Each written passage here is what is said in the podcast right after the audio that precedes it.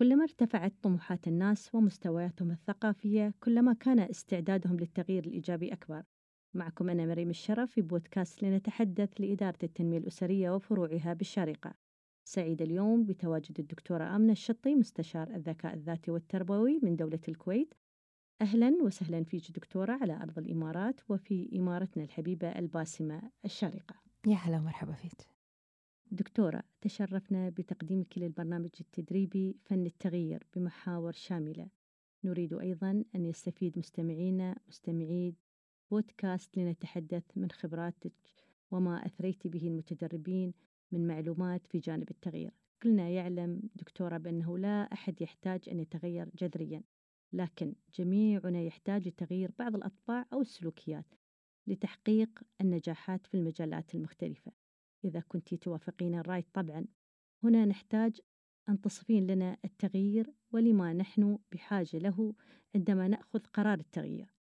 وما هي القواعد الأساسية التي ممكن أن نستند عليها؟ وهنا سأترك أمامك المجال للحديث بأريحية في عشرين دقيقة عن رحلة تغيير كاملة. يا هلا ومرحبا فيك. التغيير في حياتنا مطلب. إن الله لا يغير ما بقوم حتى يغيروا ما بأنفسهم. الله سبحانه وتعالى سنة الكون التغيير. الشيء الوحيد الثابت في الحياة هو التغيير.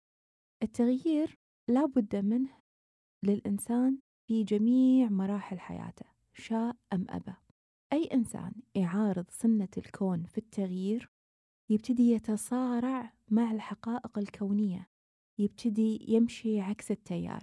يتعب في هذه الحياة. طيب كيف ممكن يكون التغيير مثمر في حياتنا؟ كيف ممكن نتيجة التغيير توصلنا فعلا لما نريد الوصول إليه؟ مهم أن إحنا نعرف أنواع التغيير ومهم أن إحنا نعرف أين نحن الآن وأين نريد أن نصل. لما نعرف أنواع التغيير راح نشوف أن في عندنا تغيير اضطراري تغيير مجبورين إحنا عليه وفي تغيير اختياري في تغيير مؤقت وفي تغيير دائم وهناك أنواع أخرى. لكن نختصر في رحلة التغيير هذه بالعشرين دقيقة. التغيير الاضطراري هو التغيير اللي تعطينا فيه مؤشرات الحياة لكننا نتجاهلها أو ربما لا تعطينا الحياة مؤشرات على سبيل المثال. ممكن جسمنا يعطينا مؤشرات أن إحنا من المهم أن نغير عاداتنا الغذائية ونهتم بصحتنا أكثر. فالجسم يعطينا الرسالة الأولى الرسالة الثانية وما زلنا مستمرين على العادات الغذائية التي تتعب هذا الجسد. فالجسد يوصلنا مرحلة التغيير الاضطراري التغيير اللي إحنا نجبر عليه على سبيل المثال الأمراض المزمنة. الجسم يبتدي يعطي إشارات أن ترى أنا ممكن أن أصاب بالسكر. يا صاحب هذا الجسد خفف السكر وما من مجيب ما في إذن صاغية حق هذا الموضوع لغاية ما يصاب هذا الإنسان بالسكر. هني يصير في تغيير اضطراري وإجباري إنه هو يهتم في الجانب الصحي في حياته. طيب في عندنا تغيير يكون تغيير اختياري. أنا مش مضطر لكني مختار. أنا مختار إن أنا أغير عملي إن أنا أغير بلد معين إن أنا أغير سيستم حياة معين فأنا أو أغير نظام صحي. فأنا اخترت هذا النوع من التغيير. هذا النوع من التغيير التغيير الاختياري علشان يكون ناجح نبي نبحر في هذه الرحلة. لكن أبي أتوقف مع التغيير الدائم والتغيير المؤقت. التغيير المؤقت لما تجينا وحدة وتقول أنا عندي عرس أبي أضعف.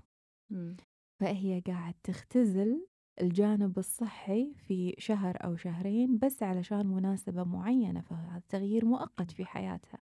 تغيير مؤقت لما يصير في عندنا شخص يبتعث للخارج أو يسافر سياحة وما شاء الله يتبع جميع قوانين هذه الدولة مجرد ما أنه هو يرجع ديرته يبتدي يتخلى عن هذه القوانين ممكن أنه هو ما يحافظ على نظافة مكان معين أو غيره من هذه التفاصيل. فهذا كان تغيير مؤقت. التغيير الدائم لما الإنسان يتخذ قرار معين في التغيير ويغير مسار حياته بشكل كامل. وهذا التغيير يرتبط بالتغيير الاختياري. طيب رحلة التغيير كيف ممكن أن هي تكون رحلة مثمرة؟ تكون رحلة إصلاح لأن التغيير ممكن يكون تغيير إيجابي وممكن يكون تغيير سلبي. في القرآن دائما التغيير من الناحية الإيجابية يرتبط بكلمة الإصلاح. فكل ما كان تغييرنا مصلح كان تغييرنا إيجابي. كيف ممكن أن إحنا نعيش التغيير المصلح التغيير الإيجابي في حياتنا؟ علشان إحنا نمضي في رحلة التغيير بأسلوب جدا سلس وأسلوب جدا مريح يجب أن نعرف أين نحن الآن وإلى ماذا نريد أن نصل. يعني تكون عندنا رؤية لهذا التغيير. علشان ما يكون تغيير عشوائي تغيير غير مدروس. والله بس خلاص أنا مشتهي أن أنا أتغير. أنا خاطر أن أنا أتغير. صارت الهبة أن إحنا نتغير. آه نبي نعيش نسخة جديدة من أنفسنا وشعارات عديدة يرددها الإنسان لكن لا يعرف الوجهة التي يريد أن يصل إليها. فمن المهم أن أعرف أين أنا الآن وأين أريد الوصول. إذا عرفت أين أنا الآن علشان أجيب عن هذا السؤال بذكاء يجب أن أضع عجلة الحياة أمام عيني. عجلة الحياة هي عبارة عن جوانب الحياة المتعددة يعني أدوارنا في الحياة المتعددة. اليوم إذا نبي ناخذ عجلة الحياة من ناحية أدوار الفرد فأنا عندي دور الإنساني كأم أو أب عندي الدور كبنت أو ابن عندي الدور كمواطن مسلم صديق موظف أدواري في الحياة. وإذا بأخذ عجلة الحياة على سبيل آه، جوانب الحياة المختلفة فراح يكون عندي الجانب الروحاني الجانب المالي الأسري الاجتماعي الثقافي المهاري وهكذا. فأختار الزاوية اللي أنا أبي أنظر فيها حق حياتي. هل أبي أنظر حق حياتي كأدوار أو أبي أنظر حق حياتي كجوانب؟ أضع عجلة الحياة أمام عيني وأبتدي أسأل نفسي ما مدى رضاي عن كل جانب من جوانب الحياة المتعددة. لما أي أنا أشوف مدى رضاي عن هذا الجانب لما أعطي درجة منخفضة تحت الخمسة من عشرة هني أسأل نفسي ليش؟ أنا ليش مو راضي عن هذا الجانب؟ وليش عطيت نفسي درجة متدنية تحت الخمسة من عشرة؟ هني من المهم أن أنا أفهم نفسي هل أنا عطيت نفسي هذه الدرجة لأني أنا شخص يمشي مع مجموعة معينة؟ فأنا قاعدة أقارن نفسي بهذه المجموعة أو أنا أعطيت نفسي هذه الدرجة لأن عندي معايير محددة أنا ما وصلت لها. كل ما صار معياري داخلي فأنا هني قاعدة أمسك بزمام الأمور بطريقة صحيحة. وكل ما صار معياري خارجي معناته أنا أضع تقييم حياتي بيد الآخرين فأنا هني أفقد دفة قيادة حياتي. فمن المهم أن تكون معايير التغيير عندي داخلية. إذا عرفت المعايير الداخلية اللي موجودة عندي وعرفت أنا ليش عطيت نفسي درجة متدنية أبتدي أعرف إلى أين أريد أن أصل. فصارت الصورة واضحة عندي في هذا الجانب. طيب إذا أعطيت نفسي درجة عالية في هذا الجانب أكثر من خمسة ستة سبعة ثمانية هني الحمد لله أنا عندي نسبة رضا في أدائي بهذا الجانب لكني أتطلع للأفضل.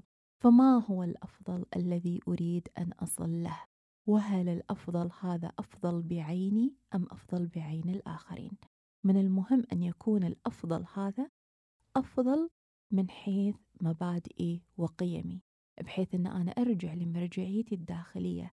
هل الأفضل هذا يناسب سلامتي ويناسب قيمي الدينية؟ ويناسب منظومة القيم اللي أنا أتبناها أو هذا الأفضل هو موضة هبة من المهم أن تكون الزاوية هذه واضحة عندي.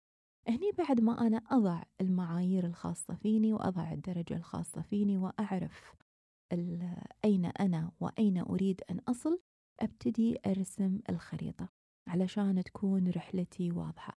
الخريطة عبارة عن الخطوات الإجرائية برحلة التغيير. وعلشان يكون مسار خريطي واضح ومطابق للواقع ومريح من المهم أن الخطوات الإجرائية تناسب شخصيتي تناسب الجانب المادي اللي موجود عندي تناسب البعد الجغرافي اللي أنا عايش فيه تناسب مبادئي وقيمي. ما أحط خطوات إجرائية تفوق قدراتي وبعدين ألوم نفسي أنا ليش ما طبقت الخطوات الإجرائية هذه. أيضا خلال رحلة التغيير من المهم أن تكون عندي جزئيات للتقييم مرحلية. يعني ما أنتظر أن أنا أوصل للمرحلة الأخيرة بعدين أقيم رحلة التغيير. من المهم أن أنا أقسم رحلة التغيير لجرعات لوجبات لأقسام صغيرة وأبتدي أقيم هذه الأقسام بشكل دوري.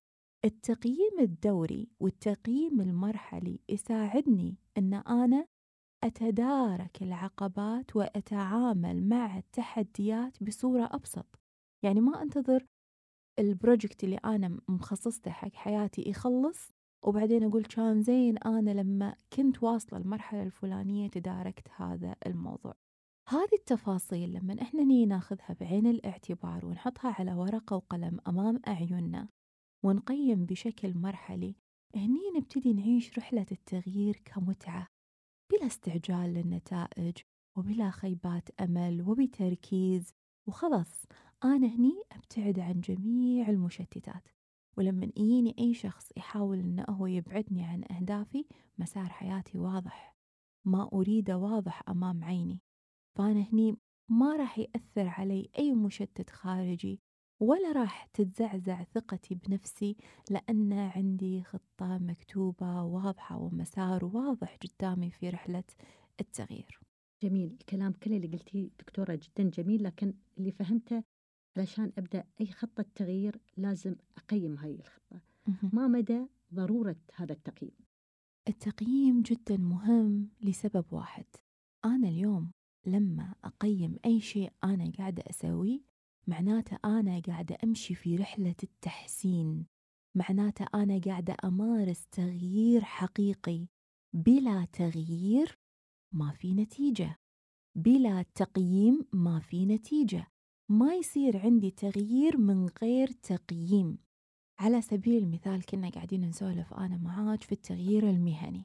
لما يصير في عندي أنا تغيير وبعدين مجموعة تقول إحنا حققنا نتيجة ومجموعة تقول إحنا ما حققنا نتيجة. مجموعة راضية ومجموعة مش راضية. طيب شنو الحكم بينهم؟ الحكم بينهم بينهم التقييم. اليوم لما إحنا نبي نسوي أي تغيير على المستوى المادي مو قاعدين نصور قبله وبعده علشان يصير في عندنا تقييم ونشوف الصورة كاملة قدام عيوننا؟ نفس الشيء في حياتنا. قبله وبعده شلون إحنا راح نقيسها إذا ما كان في عندنا تقييم؟ من أنا قبل هذه الخطوات ومن أنا بعد هذه الخطوات؟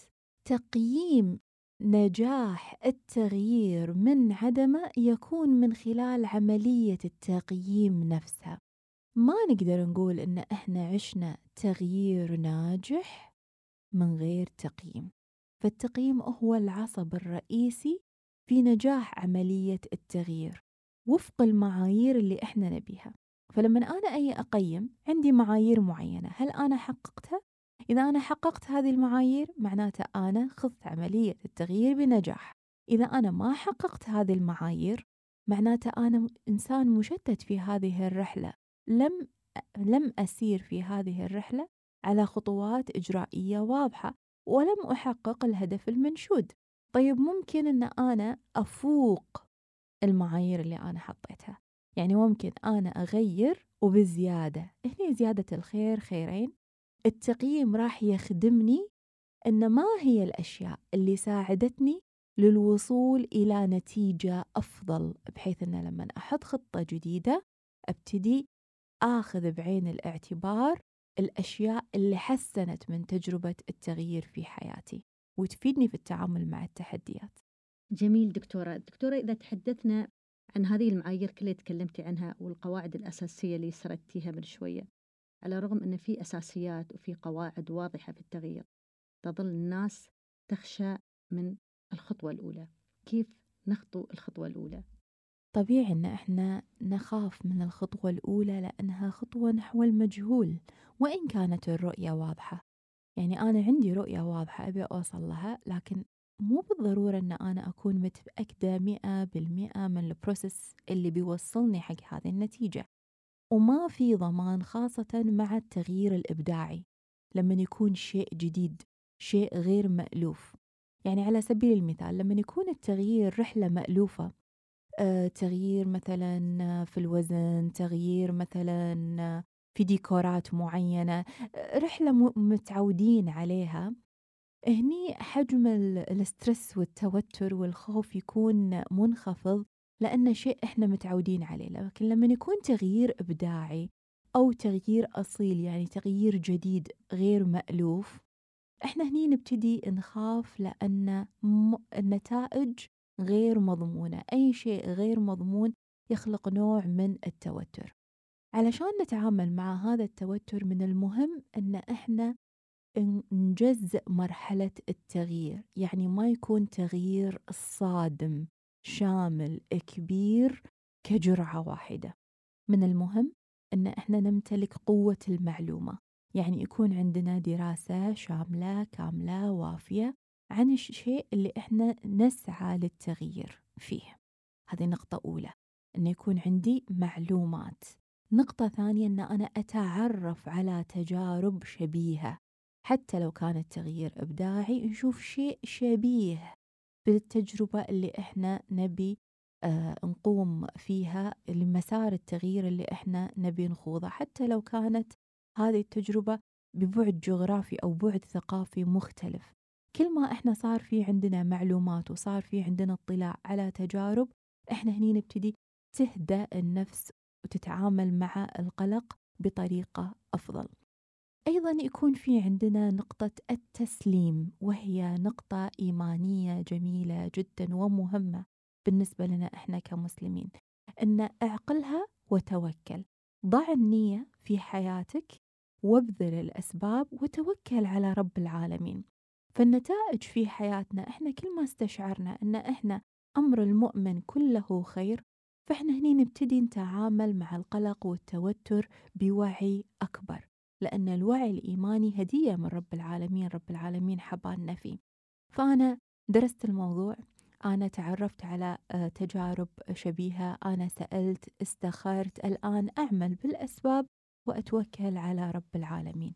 هني يصير عندي الخوف من التغيير بنسبته الطبيعية الإنسانية اللي ما تشل الحركة لأ تساعدني أن أنا أمشي مع الفلو بشكل جدا سلس. جميل جدا. دكتورة التردد وتأنيب الضمير والندم وجلد النفس علاقة هالكلام كله بالحديث اللي قلتيه من شوية. هذه التحديات النفسية. التحديات النفسية جدا طبيعية وفي الجانب الديني إحنا نسميها وسوسة الشيطان. فسواء كانت في جانب نفسي أو كانت في جانب ديني علشان نتعامل مع هذه التحديات والأفكار السلبية اللي ممكن أن هي تزور الإنسان في رحلة التغيير وهي جدا طبيعية صديقنا في هذه الرحلة الورقة والقلم. مهم أن إحنا نضع هذه الأفكار الغيمة السوداء هذه اللي كذي قاعدة تمر علينا مهم أن إحنا نفرغها على الورق. كل ما فرغناها على الورق قدرنا أن إحنا نتعامل معاها بموضوعية وقدرنا نتعامل معاها بوعي لأن نبتدي إحنا نحط الفكرة ونحللها شنو سبب هذه الفكرة؟ شنو مغذيات هذه الفكرة؟ ليش هذه الفكرة اليوم موجودة؟ ما هو أسوأ سيناريو ممكن أن يحصل لو فعلا صدقت مخاوفي وتحققت هذه الفكرة سواء كانت فكرة آه، حقيقية أو فكرة وهم. على سبيل المثال مثل ما قلتي توتر أو جلد ذات أو غيرها هي أوهام تكون في ذهن الشخص اللي يمشي في رحلة التغيير. لأن النتائج تكون مثل السراب قدام عيونه يحس إنه هو يبي يوصل للحين ما وصل يحس إنه يبي يوصل للحين ما وصل فيبتدي هني يشك. هل أنا الاختيار اللي اخترته صحيح؟ لو أنا عايش على الوضع الطبيعي وما خطيت خطوة التغيير كان الموضوع ممكن يكون أفضل لو لو فلو تفتح عمل الشيطان. لذلك لما أنا أضع هذه الأفكار كلها على الورق وأبتدي أحللها وأضع سيناريو أول وسيناريو ثاني وممكن سيناريو ثالث هني أنا قاعدة أسلح نفسي بخطط موضوعية واقعية تساعدني أن أنا أعبر رحلة التغيير بسهالة وهدوء. من المهم جدا أن لا أترك الأفكار السلبية تحوم في رأسي دون أن أفرغها على الورقة والقلم. لو فرغتها على الورقة والقلم وحللتها وحسيت أن أنا هديت لكن محتاجة أن أنا أهدى بطريقة أكثر للحين أحس أن أنا مو كل اللي بداخلي قدرت أن أنا أفرغه. من المهم أن أنا هني أستشير شخص مختص. هذا الشخص المختص مهم أنه يكون شخص محايد. ليش؟ لأن رحلة التغيير تحتاج لدعم خارجي. ما يصير أنا أدش رحلة التغيير وأعتمد على نفسي. إحنا دائما نقول الصاحب ساحب. طيب شنو معنات هذا الكلام؟ معناته أن البيئة تدعم. اليوم لما أضرب مثال في سبيل الصحة مثلا على سبيل الصحة وأقول أن أنا أبي أغير في الجانب الصحي ويكون معاي دكتور مختص يمشي معاي في رحلة الصحة.